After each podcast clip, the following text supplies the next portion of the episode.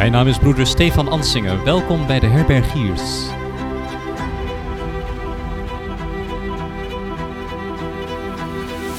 De Herbergiers bieden thuis voor een goed geloofsgesprek. Samen met Herwin Horst ontdek ik de vreugde en de waarheid van het katholieke geloof. Vanuit onze vriendschap bespreken wij de fundamenten van het christelijk leven. En met deze podcast hopen wij je inspiratie te geven om in je eigen omgeving te delen in Gods liefde. Wees welkom.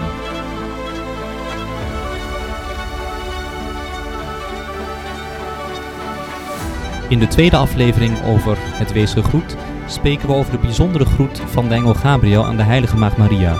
Wat betekent het dat Maria koningin is van de engelen? Waarom zegt de engel dat Maria vol van genade is? Dit en meer in de huidige aflevering.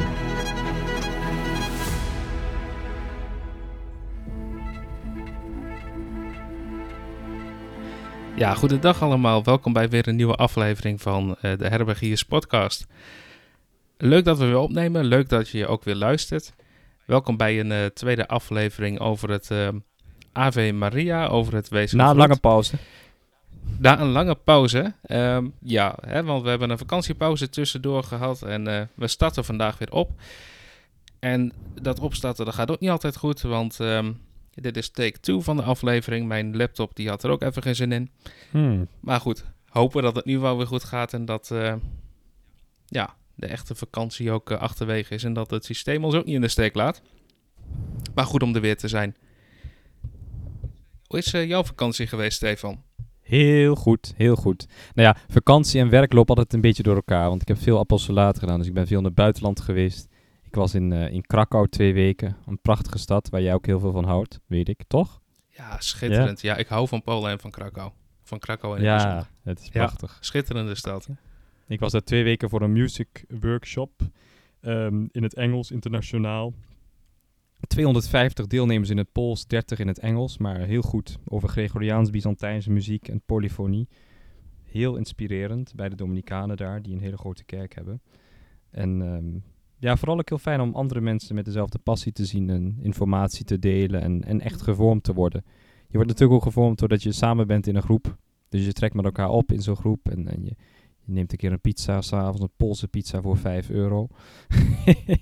het, is allemaal, uh, het was allemaal heel mooi. En dan drie weken in Luik ja. ook, dat was ook heel bijzonder. In België voor een stage in een, in een ziekenhuis. Dus daar heb ik echt, uh, elke middag ben ik daar geweest door de weeks en... Daar heb ik de communie rondgebracht, naar mensen geluisterd, echt gebeden met mensen die uh, aan het einde van hun leven zijn. Dus dat was wel zeer ingrijpend. Ook zeer inspirerend, maar ook wel zwaar. Want ja, mensen, mensen verdelen natuurlijk allemaal dingen over hoe hun leven geweest is. Um, ja. En dat komt dan ook weer. We, we, hebben natuurlijk over het Onze Vader gehad. Hè? Dus uh, onze eerste serie was over het Onze Vader. En dat gebed heb ik heel veel gebeden met die mensen. En het is zo bijzonder om te zien hoe bewust en hoe, um, ja, hoe vol van uh, geloof mensen dat gebed bidden. Hè. En dat ze daar ook door gesterkt worden, dat ze troost daarvoor krijgen uh, wanneer ze dat bidden. Ik herinner me één vrouw, die was gevallen thuis. Na uren dat ze op de grond lag, kon ze na, pas naar de telefoon grijpen. Want ja, ze konden gewoon nie- en ze kon ook niemand bereiken, want ja, ze is helemaal alleen. Ze is al boven de 90 en ze zei ja, ik ben op dit, nu in het stadium dat ik geen familie meer heb, geen vrienden, helemaal niemand meer. Hè? Ja.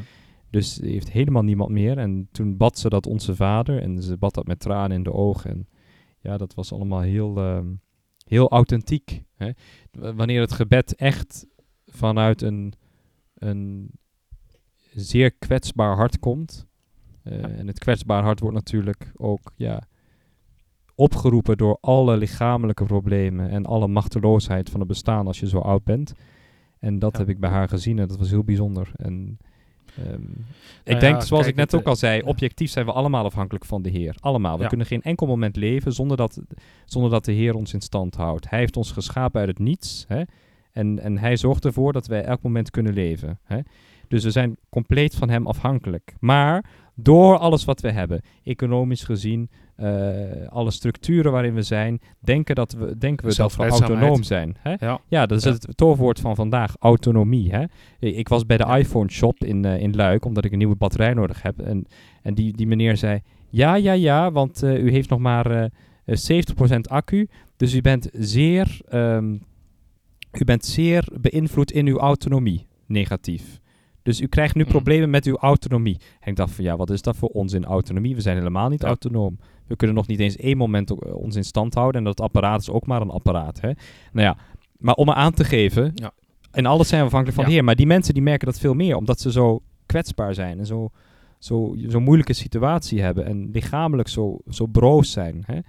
En, en dan, dan voel je dat natuurlijk veel meer. En dan is je gebed ook, ja, dan ga je überhaupt sneller binnen en dan bid je ook met een ja, meer authentiek hart vaak. Hè? Ja, en wat eh, dieper en wat bewuster natuurlijk, hè? Ja.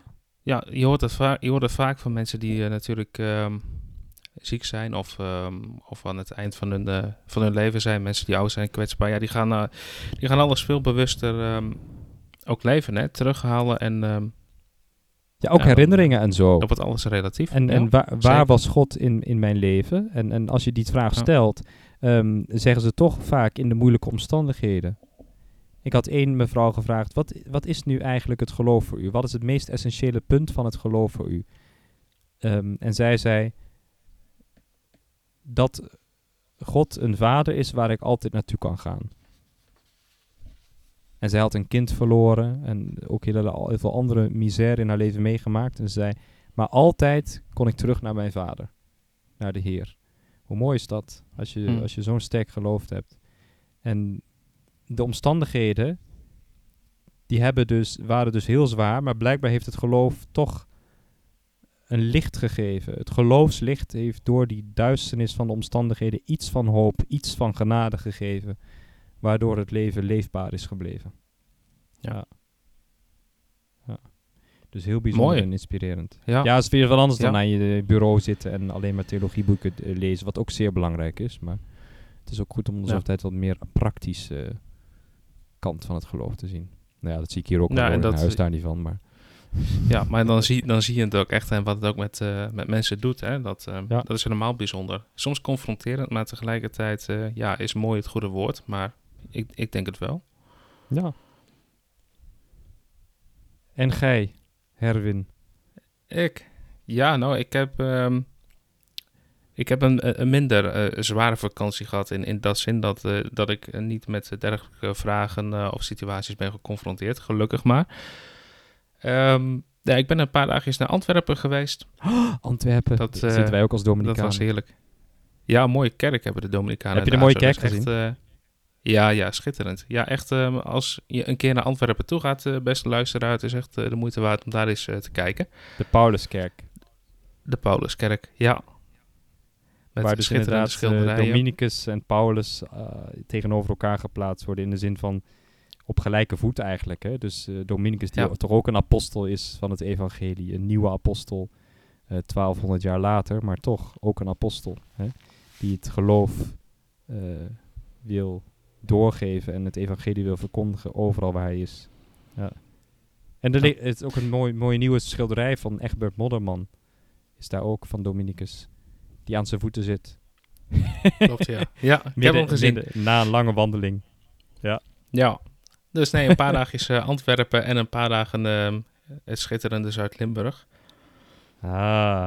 Dus heerlijk de natuur in geweest. mijn vader. Hoe gaat het dan verder ook alweer? Nou, nou dat, ehm, dat, is, dat is voor een andere aflevering, eh, Stefan. Karaoke met Herwin. Nou, dat wordt lachen.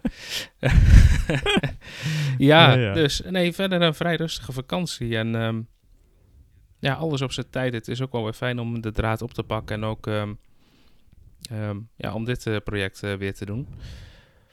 Ja. En vandaag gaan we het hebben over de, de eerste inhoudelijke aflevering. Van Vorige het, aflevering had ehm, geen inhoud, wil je zeggen. Nou ja, het was meer een introductie. Oh ja, dat is waar. Maar er zat wel inhoud in, toch? Hoop ik.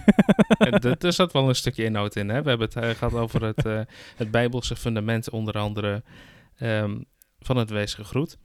Ah ja. Ehm, ook onze eigen ervaringen en, en ideeën daarover geventileerd. Maar we gaan nu wat meer op de inhoud in. Ehm, en Mhm. daarbij behandelen we het eerste deel ehm, van het Weesgegroet. Dat is namelijk Ja, want het zijn twee delen? Maria. Er zijn twee delen. Je hebt dus hè, het Weesgegroet Maria vol van genade. De Heer is met u. Gij zet de gezegende onder de vrouwen en gezegend is Jezus de vrucht van uw schoot. Hm. Eh, dat, dat is eigenlijk het, het eerste deel. Ehm, en dan heb je nog een tweede deel. Heilige Maria, Moeder van God, bid voor ons zondaars, nu en in het uur van onze dood. En die laatste woorden, eh, die zijn pas achteraf door de kerk toegevoegd, eh, door Paus Pius V. En als ik me niet vergis, is dat een Dominicaan? Ja, dat is een Dominicaan. En die. Dominicaan heeft ervoor gezorgd dat, ehm, dat je nooit meer. ehm, nee, laat ik het anders formuleren. Hij heeft ervoor gezorgd dat, dat, dat iedere. ehm, dat, ik kom helemaal niet meer uit mijn woorden, wat erg zeg. Ik heb al een hele lange dag erop zitten. We zitten midden in een retraite die ik nu onderbreek voor deze podcast. Ehm, dus die heeft ervoor gezorgd dat eh, de paus wit draagt. Hè? Dus nu nog steeds draagt een paus wit. Ehm, het zorgt er ook voor dat je soms als paus wordt aangezien door andere mensen op straat. Ehm, zoals ik laatst had bij een huwelijk, waar iemand dacht dat de paus na, na- op bezoek kwam, maar dat was ik dan. Een vrij jonge Nee. paus, of niet? Ja, ja, maar ja, ja je weet het nooit, hè. Dingen kunnen, dingen kunnen snel veranderen vandaag de dag. Het is trouwens ook leuk, Nou, op een mensen, huwelijk mag je namelijk eh, als Ja. Dominicaan wel wit dragen. Dus als je je niet aan de etiketten wil houden, moet je gewoon Dominicaan worden. Dan kan je eh, gewoon bruid spelen. Ik wilde eigenlijk o- omge eh, met een andere persoon naar buiten komen. Het zal wel leuk zijn. Ik was één minuut voordat het bruidspaar naar buiten kwam, kwam ik naar buiten. Toen waren ze toch zeer eh, teleurgesteld toen ze mij zagen. Maar eh, Je hebt het toch niet persoonlijk opgepakt, of wel? nee, nee. Nou ja, maakt toch niet uit. Ik ben toch Oké. niet meer in de markt. Ah, nee, dat is waar. Ik ben al getrouwd met de kerk of zo, zeggen ze toch? Ja, precies. Want de, de Ja. kerk is namelijk een vrouw. Dat kan wel, ja. Nee, dat, dat klopt inderdaad, ja. maar goed, Ja, Wij maar dat dus, terzijde. Paus eh, in- Pius de vijfde. eh, eventjes Die een heeft dus terzijde, deel. hè, waar, Ja. Kleine waar. Dominicanen wel niet goed voor zijn. Ja, waar Dominicanen wel niet goed voor zijn. Maar wij gaan Ja. het dus hebben over het eerste gedeelte. Dus ehm, een aflevering over wees gegroet Maria vol van genade. En dan ehm, nog aflevering De Heer is met u, gij zijt de gezegende onder de vrouwen. En gezegend is Jezus de vrucht van uw schoot. Waarom is dat en waarom behandelen we niet het laatste deel? Ehm, net als het thema het Onze Vader ehm, gebruiken wij ook over het wezen groet het commentaar van Thomas. En ja, eigenlijk Mhm. bestond dat eerste gedeelte alleen maar. Precies, Zo dat is het. is het. Ja. Dus het tweede Ja, gedeelte dus is smeekbeden voor in het uur van de dood. Ja, dat is pas later, dus dat behandelen we niet. Ja. Nou, we zullen het misschien even kort over Nou. hebben een keer, maar eh, De essentie is toch wel het, eh, het eerste gedeelte. zo is het. Ja. Nou ja, goed, ehm, wat natuurlijk... Wat niet betekent een overigens dat u, nu alleen, eh, dat u vanaf nu alleen maar de helft moet bidden. Hè? Dus bid gewoon wel de, het gehele gebed. Hè? Dus dat willen we nou ook weer niet zeggen, zeg maar. Nee. Kijk, goede conclusie. Dan denk ik, want eh, als je nu Jezuïet zou zijn, dan zou je zeggen van ja, vanaf nu kan ik de hoogstens in de helft van de tijd bidden, omdat ik nog maar de helft van het wezen groet hoef te bidden. Maar dat bedoel ik hier niet te zeggen. Nee, mensen moeten wel een beetje eh, getrouw blijven aan de kerk. Hè? Ja, ja. Ja. Niet overal gaten in, eh, in, in, de, in de wet gaan zien, hè? of zo. Nou ja, Nee, dus dankzij die Dominicanen moeten we heel lang over onze rozenkrans bidden. precies, twee keer zo lang. Dankjewel, Stefan. beetje ascese, een beetje ascese naast het bier kan wel. Ja, precies. Ehm, we gaan het vandaag dus hebben over de eerste woorden. Eh, wees gegroet, Maria, vol van genade. Allereerst gaan we eens kijken naar waar die woorden nou precies vandaan komen. Mhm. Ehm, wees gegroet, vol van genade. Dat zijn woorden die door ehm aartsengel Gabriel zijn gezegd, zijn uitgesproken, richting Maria. Nou, dat is eigenlijk wel een, eh, een zekerheid. Maar het woord Maria in die eerste zin is pas achteraf ehm, door de kerk toegevoegd. Ehm, ja, en Mhm. we vinden dat terug ehm, in Lucas 1, ehm, het deel vers 26 tot met vers 38. Ehm, in die passage kondigt eh, Gabriel eh, de geboorte aan van Johannes de Doper. Ehm, en de geboorte van, eh, van Jezus Christus. Dus dat is de context waarin ehm, die woorden ehm, zijn uitgesproken eh, richting Maria. Hmm. Ja, wat, is nou, eh, wat gaan we nou vandaag behandelen? Eh, we weten dus waar deze woorden van aankomen. Maar we zullen gaan zien gaandeweg deze aflevering dat het niet vanzelfsprekend is dat engelen zich openbaren aan mensen en eerbied hebben richting mensen. Ehm, Hmm. Wel richting Maria. Eh, dus ehm, dat, dat zegt ook iets eh, over Maria zelf. Gaat het goed, Stefan? Ja, ja, ik ben er nog. Hij is er ik nog. heb drie eh, dagen lang alle offices hier gezongen, dus mijn, mijn stem gaat soms een beetje heen en weer. Kijk. Maar, eh maar, Maar nee, dat, is- ja, dat, is, goed. dat is dus wel het centrale thema. Hè? Ehm, wat maakt het bijzonder eh, dat een engel eh, een bezoek brengt aan, ehm, aan de mensen en eerbied toont? En in dat opzicht, wat maakt Maria dan zo bijzonder? Precies. Dus inderdaad, als we even kijken naar, de, naar het Oude Testament, hè, waar natuurlijk ook al heel veel de engelen voorkomen, dan zien we ja, veel passages. Bijvoorbeeld in Genesis, in Genesis 19. Ik heb hier een overzicht, vandaar dat ik dat uit mijn hoofd weet. Want als eh doorgewinterde katholiek ik nog steeds niet alle bijbelpassages uit mijn hoofd, helaas. Ik werk eraan. Maar in Genesis 19, eh, daar zijn twee engelen die redden Lot uit Sodom. Hè. Sodom wordt vernietigd vanwege alle zonden en zo. En nou ja, dus Lot, die wordt gered door twee engelen. Dat is één van de plekken dus waar de engelen voorkomen in het Oude Testament. Een andere plek is wanneer drie engelen Abraham en Sarah bezoeken. Hè. En die drie engelen, die zien we vaak ook op iconen staan, als ik me niet vergis. Hè. Dus ehm, die houden ook een gasmaal hè, daar. En het mooie is dan, dat wordt dan in de, bij de kerkvaders natuurlijk ook gezien als een, als een teken van de heilige drievuldigheid. Hè? Dus later in, in, de, in de analyse van de kerk van deze passage. Ehm, maar dat is pas later, die analyse. Dan heb je nog een engel die verschijnt bij de drie vrienden van Daniel in de vurige oven. Hè? Als Daniel eh, in de oven belandt, dan zijn er ook drie engelen die daarbij verschijnen. De engel des Heren verschijnt ook aan Hagar in Genesis 16. En Ehm, dat is misschien wel een hele belangrijke passage in Genesis. Dat de engel Gods spreekt tot Jacob in een droom. Hè? Dan hebben we die, eh, de Jacobsladder ook, hè? waarbij de engelen heen en weer lopen van boven naar beneden. Ehm, dat, dat zijn allemaal passages in het Oude Testament waar de engelen zijn. Wat is nou zo bijzonder? De engelen die zijn natuurlijk hogere, superieure wezens. Waarom zijn ze superieur? Omdat zij, zoals, ehm, zoals in de Bijbel ook staat, altijd God aanschouwen. Hè? Zij leven in het aanschijn Gods wij hier op aarde leven nog in, in de schaduw. Hè? Dus wij zijn nog niet eh, helemaal transparant, zou je kunnen zeggen, zuiver, dat we helemaal in Gods genade kunnen leven. Hè? Dus altijd door de zonde, door onze begeerten, door de verkeerde keuzes die we maken, door, ja, eh, door de, de verleidingen van de wereld, et cetera, et cetera, zijn we nog niet helemaal heilig. Een engel is dat wel. Een engel is volledig transparant eh, is ook geen materieel wezen, hè? dus is onstoffelijk, heeft alleen een geest. Hè? Alleen kan wel een lichaam aannemen, een schijnlichaam aannemen. Hè? Dus om, om een boodschap over te brengen, kan die, per- eh, die persoon, die engel, een lichaam aannemen. Maar eerste instantie is het een geestelijk wezen. Ehm, En daarom zijn ze superieur, want als we het hebben bijvoorbeeld over, dat is even belangrijk om uit, om uit te leggen, eh, als we het hebben over hoe de mens begrijpt hè, en hoe de engel begrijpt. De mens begrijpt dingen door zintuigen. Ik begrijp Herwin, als hij wat zegt, dan doet hij zijn mond open, dan zegt hij wat en dan komt er als goed is iets uit zijn mond. Ehm, of dat nou zinnig is of onzinnig. Hij zegt iets en ik hoor dat. Er gewoon gaan geluidsgolven via zijn microfoon naar zijn computer. Die computer verzendt het naar mij toe hier in Fribourg. Vervolgens komt het hier uit die computer. Die computer hier, die brengt het naar mijn koptelefoon. Mijn koptelefoon, die eh, brengt het naar mijn oor, die trilling. En dan hoor ik die trilling en dan hoor ik wat Herwin zegt. Dat is allemaal materieel. Daar is niks geestelijks aan. Dat is gewoon materie die overgebracht wordt. Hè? Dat zijn gewoon, gewoon geluidsgolven die overgebracht worden. Nou ja, als ik het heb bijvoorbeeld ook over, eh, over een mooi stuk kunst wat ik zie, dan kan ik dat zien en begrijpen door mijn ogen. En mijn ogen die geven mij informatie en daarmee kan ik vervolgens in mijn, in mijn geest een, een beeld vormen van wat dat echt is. Hè?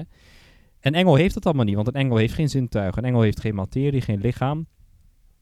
Dus die, die krijgt alleen die als het ware wat wij zouden noemen fantasiebeelden, die kenbeelden die wij ook hebben, die worden bij ons gegeven dus door de zintuigen. Bij de engel is dat, worden die door God gelijk eh, gegeven. Hè?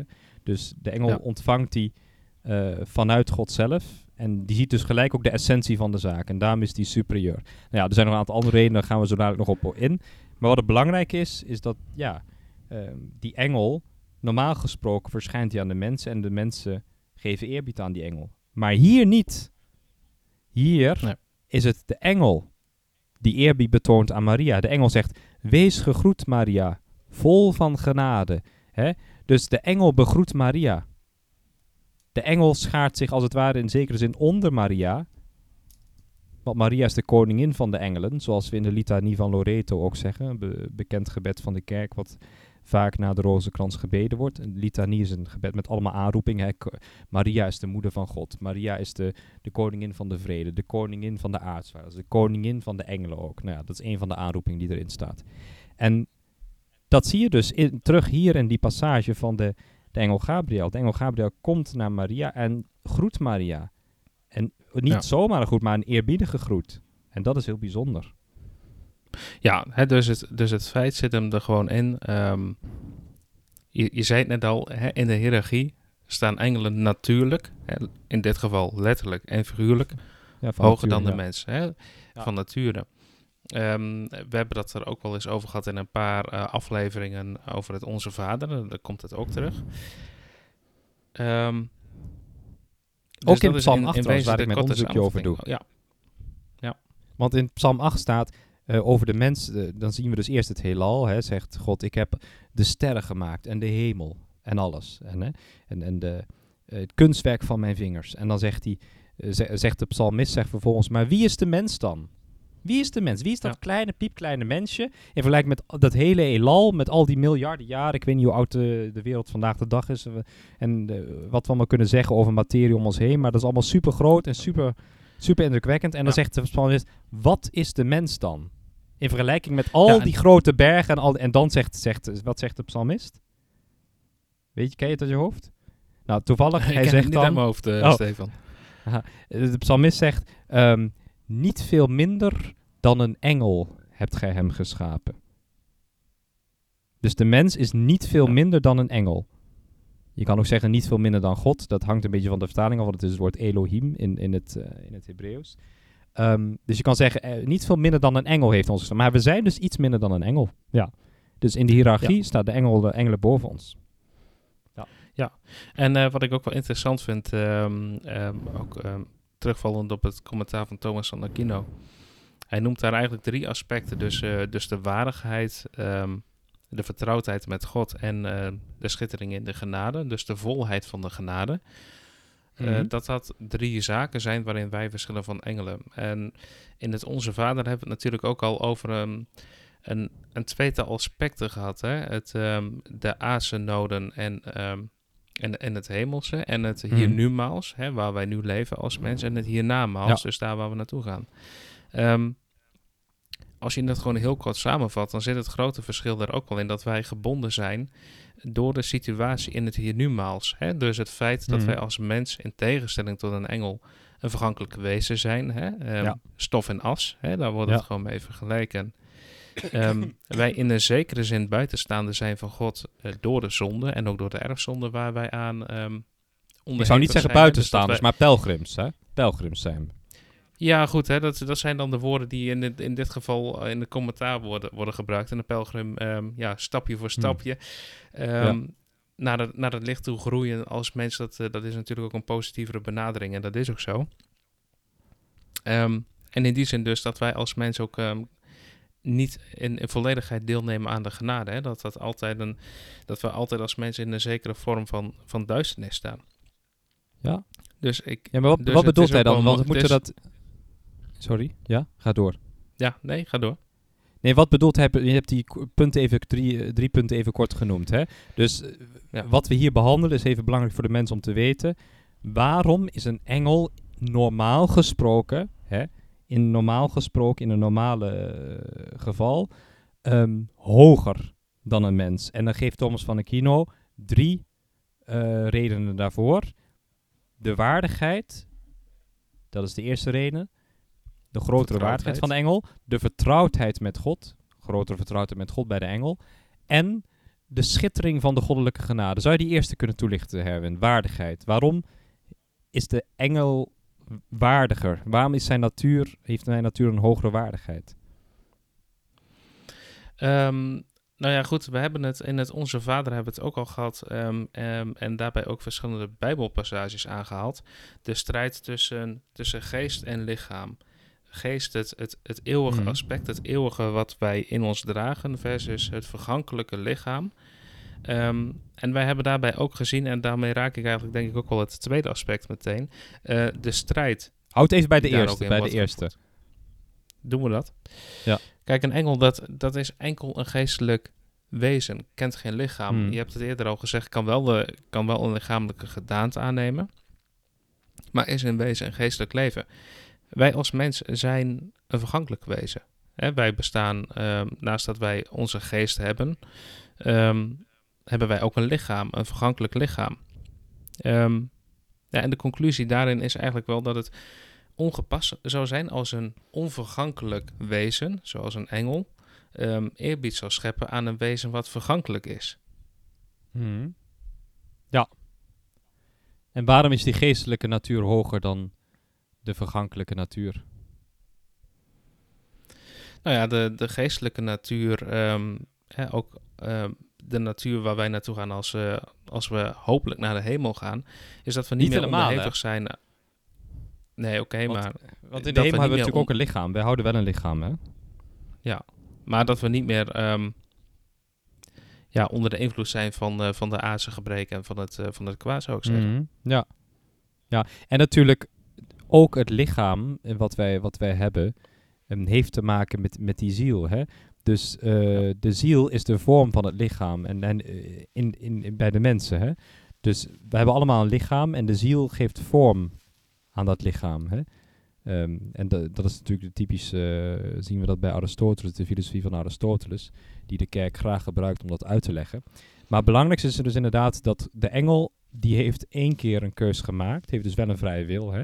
Want we weten ook dat, ehm, dat er een engelenstrijd is geweest. Hè? Dus ehm, we hebben dat gezien ook in ons eh, commentaar op onze vader. Op een gegeven moment hebben we het gehad over uw wil geschieden. En we hebben gezegd, wie heeft als eerste de wil gedaan van God? Dat zijn de engelen geweest. Hè? Dus de engelen hebben gezegd, wij willen God dienen. Of wij willen niet God dienen. Hè? Dus die keuze hebben zij gehad ehm, in de engelenstrijd, die ook in verschillende passages in de Bijbel eh, langskomt. Hè? Dus eh, er is ook een Bijbels gegeven. En die engelenstrijd, die heeft ervoor gezorgd dat er een, een groep go- goede engelen en een groep slechte engelen is. De, de slechte engelen, dat zijn de duivels, hè? onder leiding van de duivel zelf, Satan. En, en de goede engelen, die hebben dus voor Christus gekozen, vanuit hun geestelijke natuur. Maar dat is één keer geweest. Eén definitieve keuze. En, en die, eh, die keuze voor God, die blijft. Dus zij zijn helemaal transparant, hebben helemaal gekozen voor God. En eh, ja, terwijl wij, eh, ja, wij zien niet altijd hoe we goed moeten kiezen. We kunnen dus ook de engelen vragen, vooral de beschermengelen, om ons te helpen bij onze keuzes.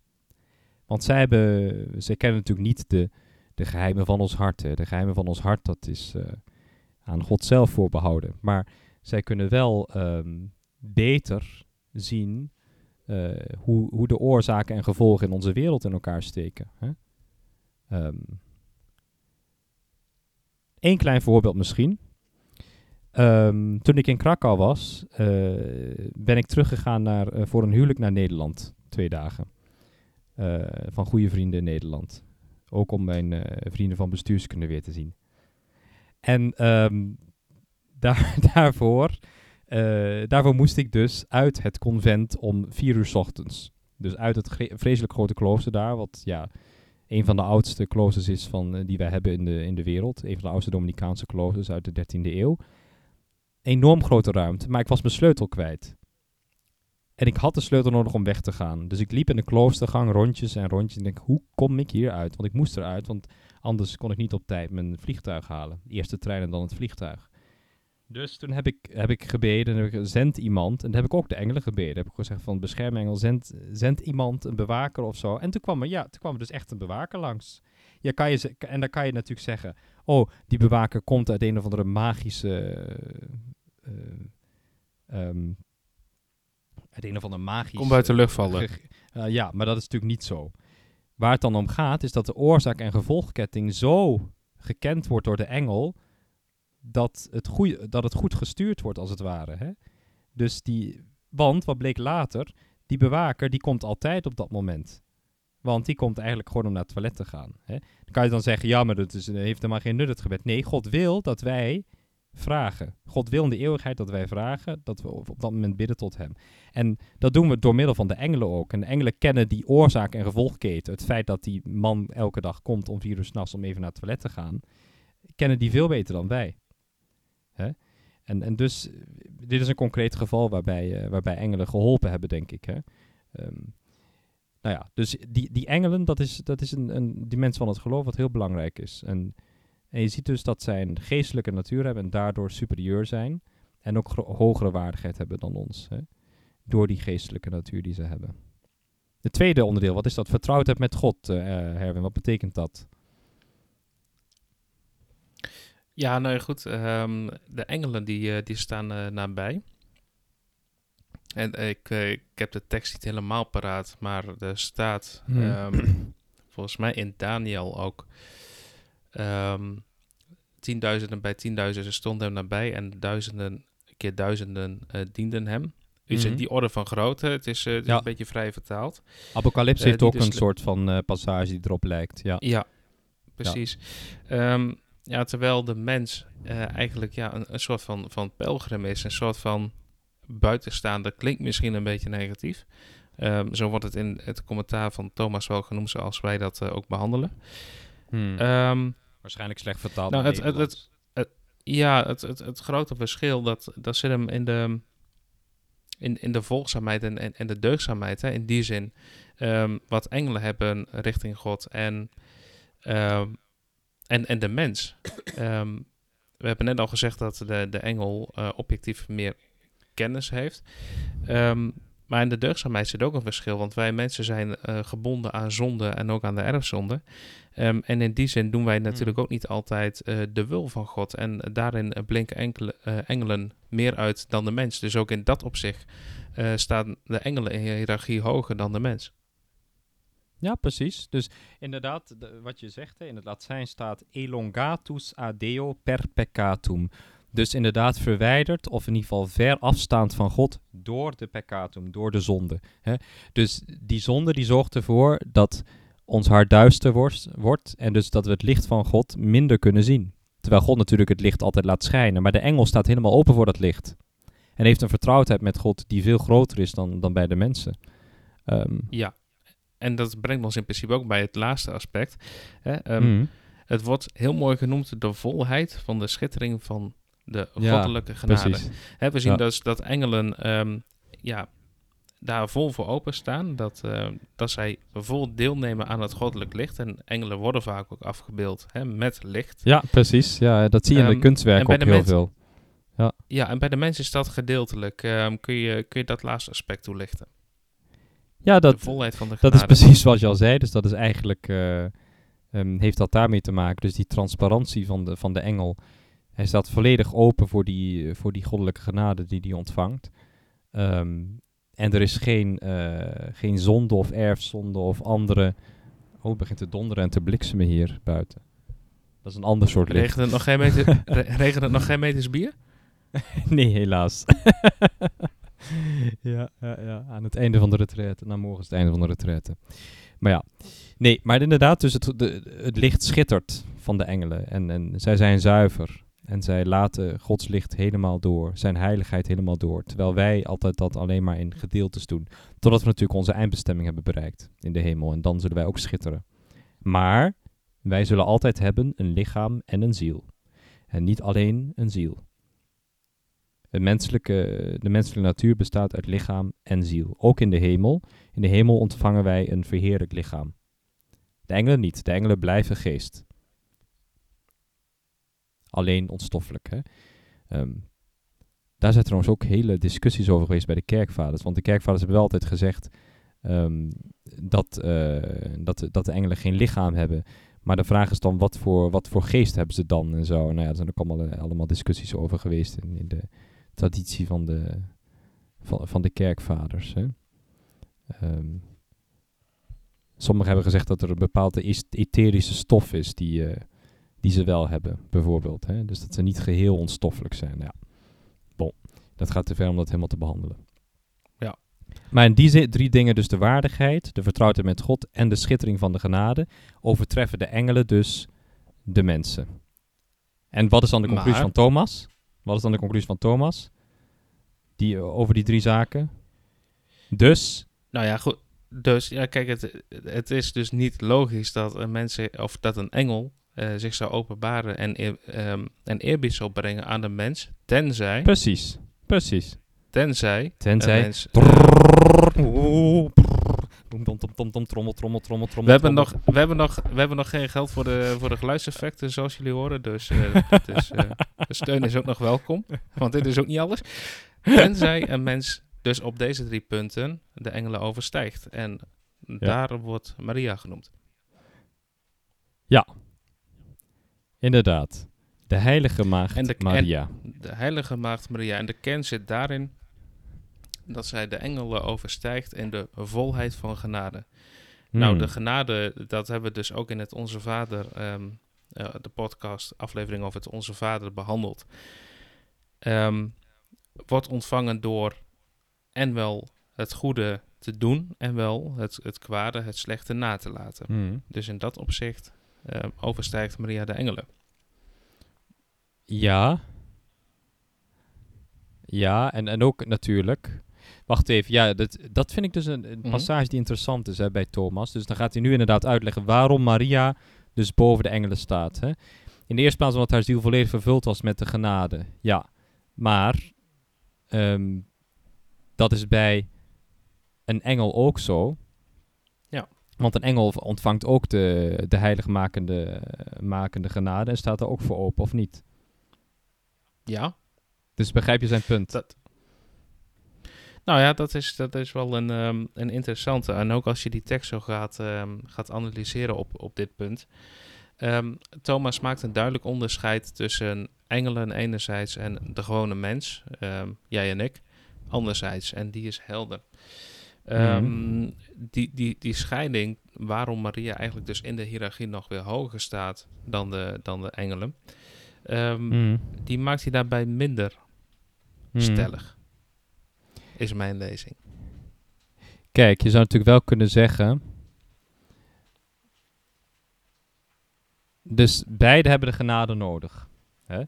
Zowel Maria als, als de engelen. Want de engelen die zijn ook geschapen met een bovennatuurlijk doel. Wat is het bovennatuurlijk doel van de engelen?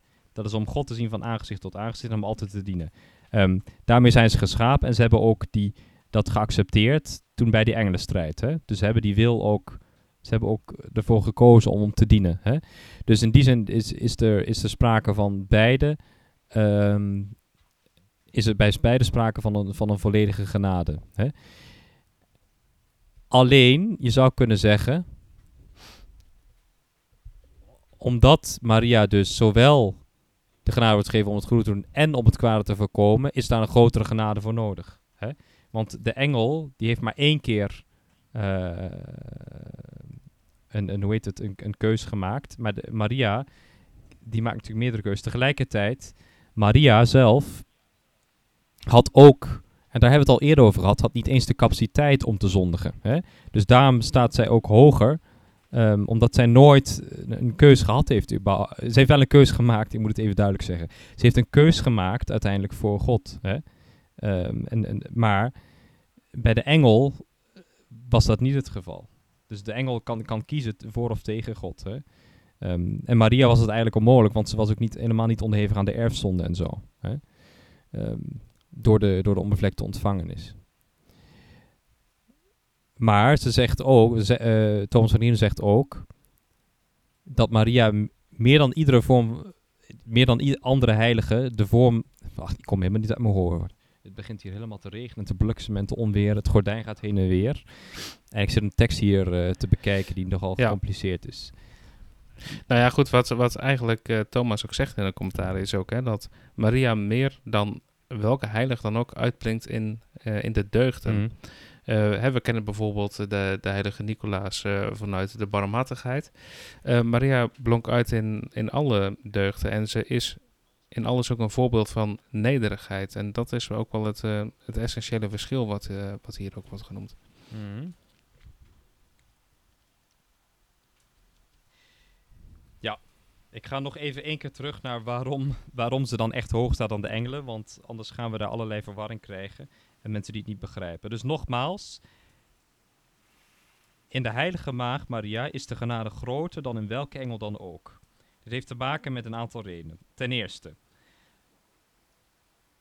In verband met haar ziel, die geheel gevuld was met de genade. Hè?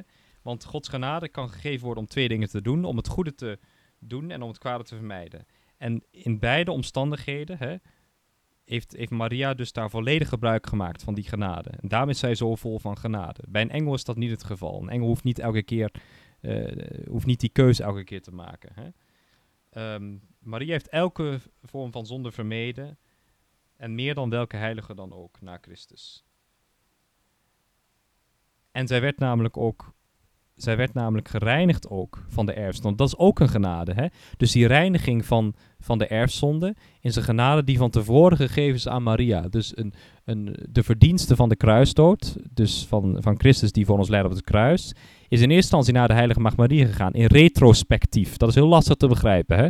Maar dat betekent dus dat Maria al de verdiensten van de kruising heeft gehad, voordat die überhaupt heeft plaatsgevonden in de tijd omdat natuurlijk ook die gebeurtenis de tijd overstijgt. Hè. Dus dat is mogelijk voor God om die, eh, om die verdiensten aan, aan haar te geven. Hè. Dus in die zin staat zij ook boven de engelen. Zij heeft die verdiensten veel eerder, ze heeft die verdiensten eerder gehad in die zin. Ehm, dus dat is de eerste reden. Ehm, de tweede reden is. ehm, moet ik het even goed zeggen? Dus net hebben we gezegd, om het, de, dus ze heeft meer genade omdat ze de genade heeft gekregen om het goede te doen en het kwade te voorkomen. Ze heeft alle zonden vermeden. Daarnaast is het zo dat de uitstraling van de ziel naar het vlees of het lichaam gaat. Hè? Normaal gesproken bij, de, bij, de, bij de heilige. Maar de ziel van de heilige maag was zo vol van genade dat ze een uitstraling had op het lichaam, zodat zij hierin de zoon van God kon ontvangen. Dus in die zin is het ook hoger dan de, dan de engelen, want zij heeft de zoon van Ja. God werkelijk in zich gedragen. Hè? Dus het vlees. zeggen dat, En natuurlijk, ja, en dat is natuurlijk een heel belangrijk punt. Ja, we hebben het gehad net over de, de vertrouwdheid, hè? Dus, dus de nabijheid eh, waarin wezen zich bevinden ten opzichte van God. En dat wij als mens eh, daarin Mhm. door de zonde eh, verder afstaan dan de engelen. Ehm, maar wat je inderdaad al zegt, Stefan, als je het hebt over de uitstraling op het vlees, ehm, de vrucht van haar schoot, dan praten we dus Ja. over Jezus Christus. Hè? Het, Ja. ehm, Waarbij natuurlijk ook Maria, gezegd... wordt ook Maria wordt ook aangesproken als moeder van God, de zoon. Ja. Jezus Waarbij Christus. natuurlijk niet de fout Dus- wordt, moet worden gemaakt dat op de een of andere manier Maria en Jezus één zouden zijn. Dat is natuurlijk niet zo. Nee. Vergelijk het met een moeder. Een moeder, als vandaag de een kind krijgt, dan zorgt de moeder en de vader die zorgen ervoor dat het vlees ontstaat. Maar de mens is meer dan vlees alleen. De mens is meer dan lichaam alleen. De ziel wordt ook gegeven. Zeggen we nou tegen iemand, zeggen we nou tegen een moeder, ja, maar jij draagt het kind niet alleen het lichaam van het kind. Nee, we zeggen je draagt het hele kind, de hele persoon. Hetzelfde geldt voor, voor Maria. Maria draagt officieel, formeel gezien, het vlees, het lichaam van onze verlosser, Jezus Christus, maar dus ook de hele persoon. Hè? Want lichaam en ziel zijn met elkaar verbonden. En de ziel wordt door God zelf gegeven. Hè? Dus de ziel, die in dit geval de goddelijke ziel van, van God zelf is, hè? Die, eh, die vlees wordt, in, die, wordt- dat wordt door God zelf gegeven. Maar Maria heeft dus wel degelijk een hele innerlijke band. Zoals elke moeder ook een innerlijke band met haar kind heeft. Hè? Ehm, dat, eh, dat, is, dat is een gegeven. Een moeder is onlosmakelijk verbonden met haar kind. Ook al is het kind wel een ander iemand. Hè? Dus een heeft andere DNA-code, is een ander persoon. Ehm, en heeft een andere ziel. De twee versmelten niet in elkaar. Maar dat is dus belangrijk om, om te zeggen. Dat die, eh, het feit dat Maria dus echt onze verlosser gedragen heeft. En het vlees heeft gegeven voor die, voor die, eh, voor die verlosser. Dat zorgt ervoor dat zij een innige band heeft met, eh, met, de, met de Heer. Nou, daar kunnen we natuurlijk ook nog helemaal erover eh, gaan. In hoeverre dat ehm, hoe die zwangerschap gelopen is en zo. In de traditie van de kerk zeggen van ook dat ze geen barenswee gehad heeft en zo. Om, omdat zij dus uh, maagdelijk is geweest voor, tijdens en na de geboorte. Nou ja, daar gaan we nu niet te veel over hebben. Wat het belangrijkste is, is dat zij die innige band met de Heer heeft door, um, door het feit dat zij deze Zoon van God gebaard heeft. En daarom staat zij dus boven de engelen. De engelen hebben niet zo'n intieme band met, met de Heer op die manier. Zoals Hugo Sint Victor zegt, omdat de liefde van de Heilige Geest in haar hart op een unieke manier brandde, deed God in haar vlees wonderbaarlijke dingen. Hè? Dus door die innige band met Christus die zij had, omdat zij überhaupt geen erfzonde had en helemaal opstond voor die genade, daardoor deed God in haar vlees wonderbaarlijke dingen. Er is nog een derde dimensie, Herwin. Zou je die nog kunnen noemen? Um, ja, dat is uh, namelijk... Um, Gaat meer over de heilige, uh, hè, hier. Ja, nou goed. Um, als je het hebt over, over, over de volheid van genade in de, in de ziel, dan wordt daar ook al de vergelijking met de heilige gemaakt. maar uh, het gaat dus ook om de uitstraling, en dat is het derde aspect, de uitstraling van de genade naar anderen toe. Mm. We kunnen bijvoorbeeld uh, tot, tot, tot heiligen uh, bidden voor, uh, voor een voorspraak, um, voor bepaalde noden die we hebben. Um, en ja, de, de heiligen kunnen genade geven of kunnen genade hebben voor velen. Het verschil met Maria is dat Maria, Maria's genade eigenlijk voldoende is voor het heil van de hele wereld. Um, in Hooglied staat er ook een vergelijking. Waarbij wordt gezegd duizenden schilden hangen aan haar. Waarmee eigenlijk wordt gezegd van, nou ja, de, hè, dat, dat, dat, dat eigenlijk de, de bron van genade van Maria onuitputtelijk is. En dat wij ons ook in gebed uh, daartoe uh, kunnen, kunnen richten. Dus in dat opzicht overstijgt Maria ook in genade um, de andere heiligen. Hè? Dus da daarin wordt inderdaad uh, de vergelijking gemaakt met heiligen. En dat heeft dus te maken met um, de, de uitstraling van de genade die zij heeft op anderen. Ja. Op ons. Ja, dus zij is niet alleen um, uh, interessant voor, uh, voor bepaalde intercessie. Hè? Dus uh, sommige heiligen bidden we voor als we iets vergeten zijn, zoals de heilige, heilige Antonius, hè? op voorspraak ja, van... Rowan Hersen heeft er nog een liedje van gemaakt. Kijk, wie is Rowan Ken je dat? Ik denk dat de meeste mensen die niet eens kennen. Nee? Dan moet je maar Ach, jij moet, jij moet het kennen als Limburger, Stefan. ja, ja, ik ken het wel natuurlijk. De heilige Antonius, demos het wierte. Dan gaan we nog Limburg spreken bij de herbergiers. ja. Nee, maar inderdaad, maar zij kan dus, um, ja, zij is de koningin van de heiligen. Zij staat boven al die, uh, al die heiligen die uh, hun eigen specifieke taken hebben, als het ware, hè? In, de, in de katholieke kerk. Um, maar wat is er denk ik uh, goed is om te onthouden, is vooral dat die volheid van de genade bij Maria zo sterk aanwezig is dat zij boven de, boven de engelen nog staat. Hè? En dat we dus op haar voorspraak voor alles kunnen bidden. En dat wil onze lieve Heer, wil dat ook. Dat we, dat we zijn moeder eren. En dat we via zijn moeder ook, uh, ook naar hem toe gaan. Ook al ben ik zelf meer christologisch ingesteld. Ik ga zelf liever... Uh, ik, ik bid meer tot Christus dan tot Maria. Tegelijkertijd, nou, ik bid wel elke dag een rozenkrans. Dus, of nou, een rozenhoedje moet ik zeggen. Hè. Dus vijf keer tien, uh, tien wezen groetjes elke dag. Een Dominicaan is gehouden dat te doen, elke dag. Staat in onze constituties ook. Waarbij we het leven van, van de Heer uh, um, overwegen. Door de ogen van de heilige maagd Maria. En uh, ja, ik denk dat, dat, dat die moederlijke blik ons zeker kan helpen om dichter bij de, bij de Heer zelf te komen.